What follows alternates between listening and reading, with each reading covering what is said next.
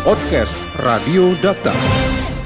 Assalamualaikum, selamat Ferdian. Assalamualaikum warahmatullahi wabarakatuh. Proses formil apa yang dilanggar selama pembahasan hingga pengesahan dari Undang-Undang Ciptaker ini? Ya, uh, dari kalau kita runut dari belakang ya, kurang lebih ini uh, membutuhkan waktu 8 bulan pembahasan RUU Cipta Kerja yang cukup tebal ini, gitu, 900 sekian halaman. Uh, kemudian uh, kalau kita runut dari awal misalnya tadi uh, perencanaan yang sangat singkat, satu bulan, kemudian di dalam di sana ada naskah akademik dan seterusnya.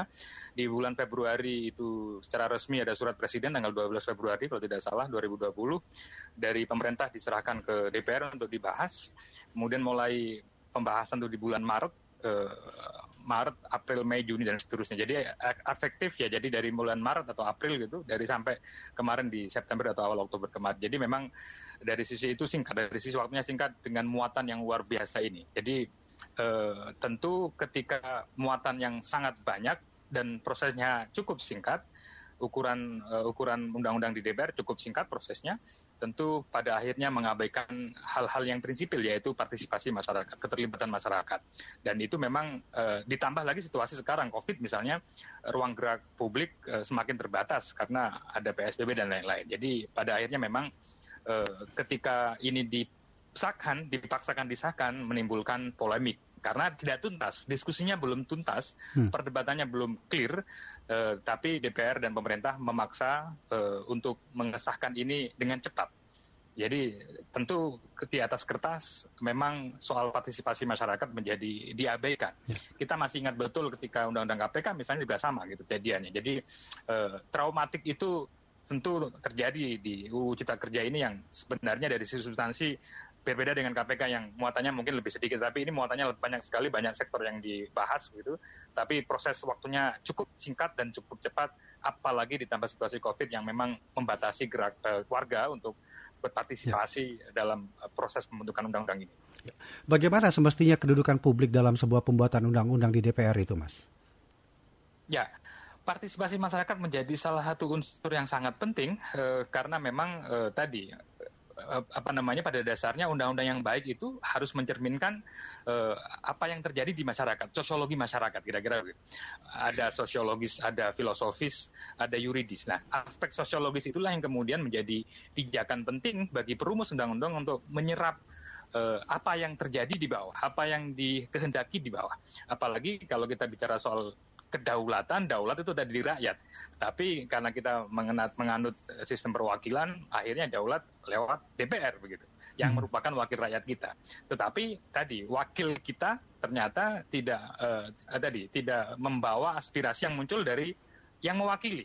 Kira-kira begitu. Jadi pada akhirnya ya menjadi tidak baik ketika bicara soal partisipasi yang memiliki kedudukan penting dalam konteks pembentukan peraturan undangan, tapi ternyata justru eh, ruang-ruang uh, itu setidaknya tidak dimaksimalkan oleh DPR. Ya. Kira begitu. DPR juga mengatakan bahwa dalam pembahasan mereka pun telah mengundang beberapa elemen masyarakat untuk melakukan pembahasan dari RUU Ciptaker pada saat itu. Lantas apakah ada kriteria masyarakat yang seperti apa yang seharusnya mendapatkan ruang untuk partisipasinya dalam pembahasan undang sebuah undang-undang, Mas? Ya, alibi yang disampaikan oleh DPR telah mengundang dan seterusnya itu ternyata tidak berbanding lurus dengan apa yang terjadi hari ini. Hari ini reaksi yang luar biasa, meskipun di saat yang bersamaan misalnya kita juga menyaksikan narasi yang disampaikan oleh DPR uh, tentang asumsi-asumsi yang dibangun oleh publik itu ternyata hoax misalnya. Hmm. Mengapa muncul tudingan hoax? Mengapa muncul tudingan misinformasi, disinformasi dari DPR kepada teman-teman yang protes? Ya karena tadi itu tidak tuntas komunikasinya, tidak clear dalam menyampaikan aspirasinya, sehingga menimbulkan menimbulkan kecurigaan sehingga menimbulkan tadi mispersepsi misalnya kalau itu yang disampaikan oleh DPR. Kalau pembahasannya clear, kalau partisipasinya masyarakat dibuka seluas-luasnya, hmm. saya yakin tidak terjadi kegaduhan seperti hari ini. Jadi kuncinya di partisipasi memang, sehingga ketika partisipasi tidak dimaksimalkan, sehingga memunculkan tadi mispersepsi, disinformasi yang tadi kalau meminjam narasi dari teman-teman DPR itu hoax, hoax yang hmm. di yang diterima oleh kalangan buruh atau masyarakat ternyata itu tidak benar. Yang benar adalah bla bla bla. Kalau kita lihat di berbagai media sosial milik uh, resmi DPR, begitu yang kita simak. Gitu. Yeah. Artinya memang uh, ada yang nggak clear dari sisi komunikasi. Partisipasi ini nggak clear sehingga memunculkan kegaduhan yang sebenarnya hmm. tidak perlu terjadi di situasi hari ini.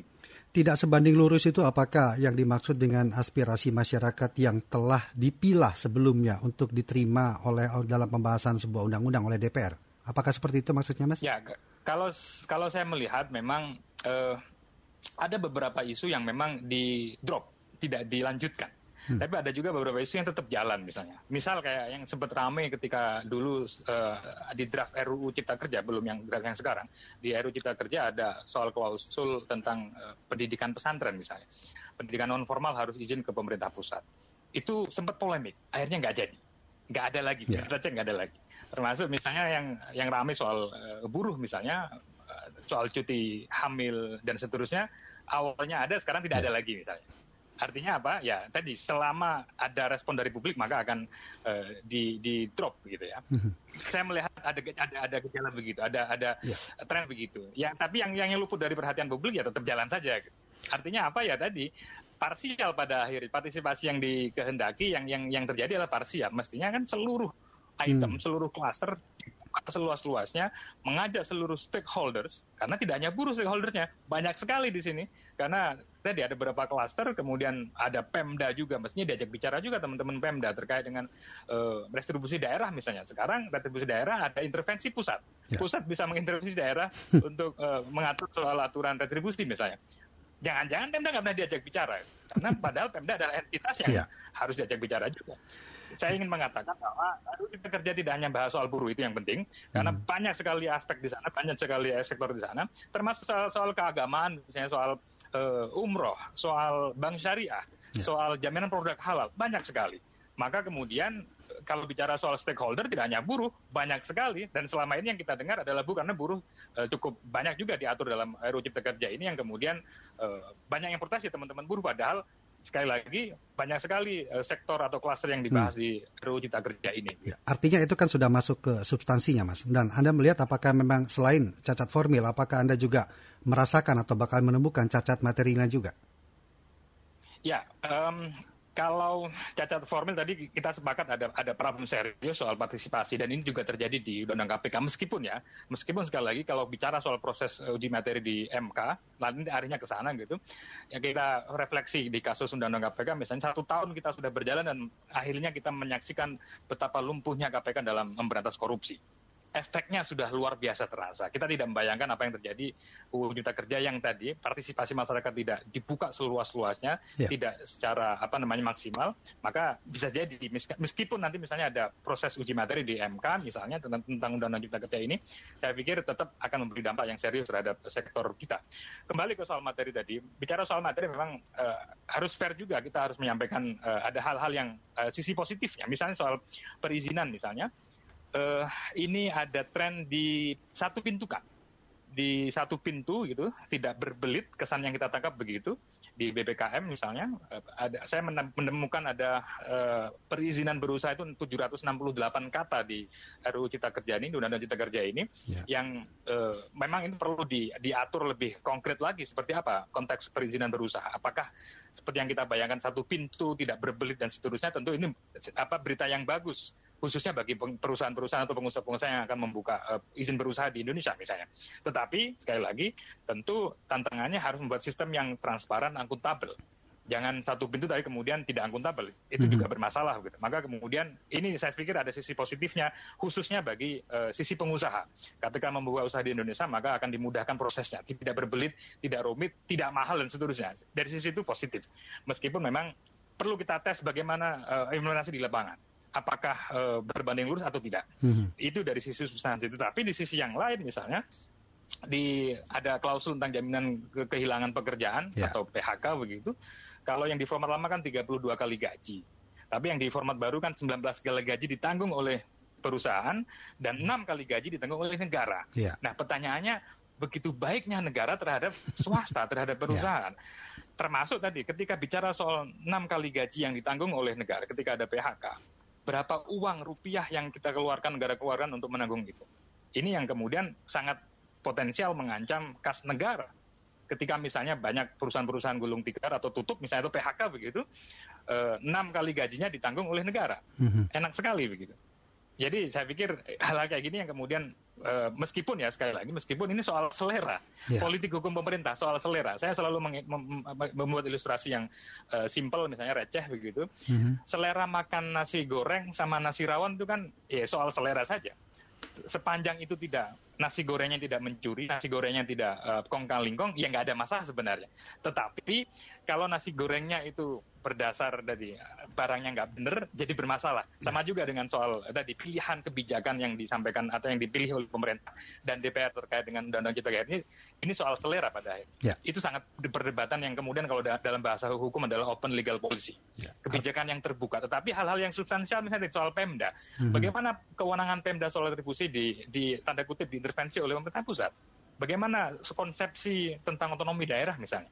Itu kan substansial ada di Undang-Undang Dasar ini bukan soal selera, ini soal konstitusional, kira-kira begitu. Baik. Jadi saya pikir ada norma-norma yang karakteristik selera atau dengan bahasa hukumnya adalah politik hukum, ada norma yang karakteristik sudah normatif, konstitusional, tidak bisa diotak-atik lagi. Ya. Dan saya pikir dari dua sisi itu formil, saya sangat yakin itu akan uh, bermasalah. Mm -hmm. Yang kedua adalah sisi material, uh, ada yang tadi kategori selera ya. dan ada kategori yang konstitusional yang itu sifatnya adalah uh, rigid, tidak bisa diotak-atik lagi. Kalau dua hal itu saja sudah dianggap cacat formil dan cacat material, lantas apa substansi dari sidang paripurna yang diselenggarakan Senin lalu, Mas? Nah, ini yang kemudian tadi, kalau saya meminjam istilah ada sovereignty rip, jadi memang kedaulatan akhirnya sudah almarhum, sudah meninggal gitu. Tidak hmm. ada lagi kedaulatan yang sebenarnya milik kita, milik rakyat yang itu diwujudkan melalui pemilu di uh, di kotak bilik suara gitu.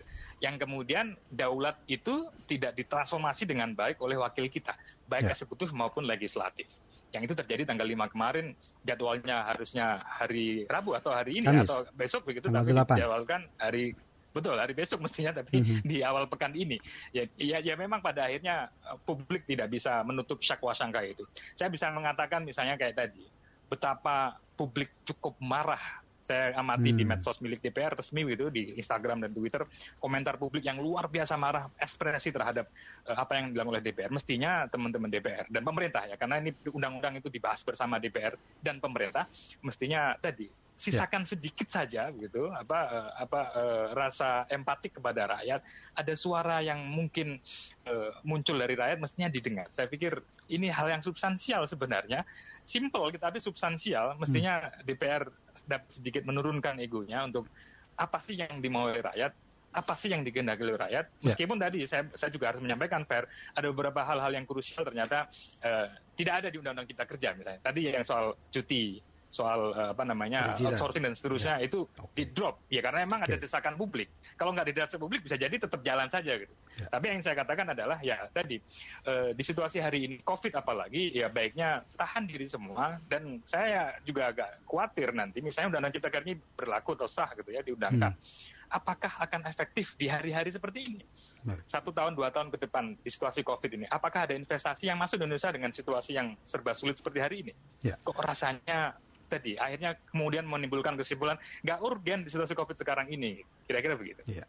Tadi ada sempat menyinggung kemarahan publik atau kekecewaan publik dan itu pun juga diwujudkan dari uh, beberapa elemen masyarakat yang telah menyampaikan mosi tidak percaya kepada pemerintah dan DPR. Mm -hmm. Kita bukan negara parlementer, mm -hmm. Mas. Jadi yang seakan-akan itu tidak mungkin berlaku. Tapi apa makna dari mosi tidak percaya atau bagaimana kedudukannya dalam suatu tatanan negara demokrasi jika masyarakatnya menyampaikan mosi tidak percaya kepada pemerintah dan DPR?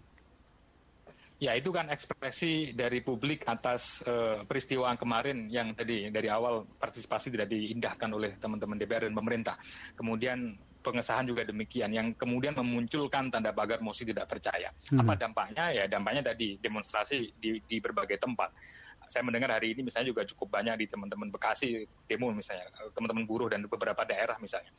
Uh, dari efek tenaga ketatanegaraan memang uh, tidak ada begitu ya. Yeah. Meskipun memang jalur konstitusional yang bisa ditempuh adalah lewat melalui uji materi di Mahkamah Konstitusi. Meskipun sekali lagi kalau kita belajar dari uji materi di MK terkait dengan undang-undang KPK ya tadi prosesnya lama satu tahun lebih dan efek dampaknya sudah terasa sampai hari ini hmm. terkait dengan undang-undang KPK. Sama juga dengan undang-undang Cipta Kerja ini, meskipun yeah. tadi ada mekanisme konstitusional namanya uh, apa namanya uji materi uji di MK, tapi sekali lagi prosesnya tidak sebentar.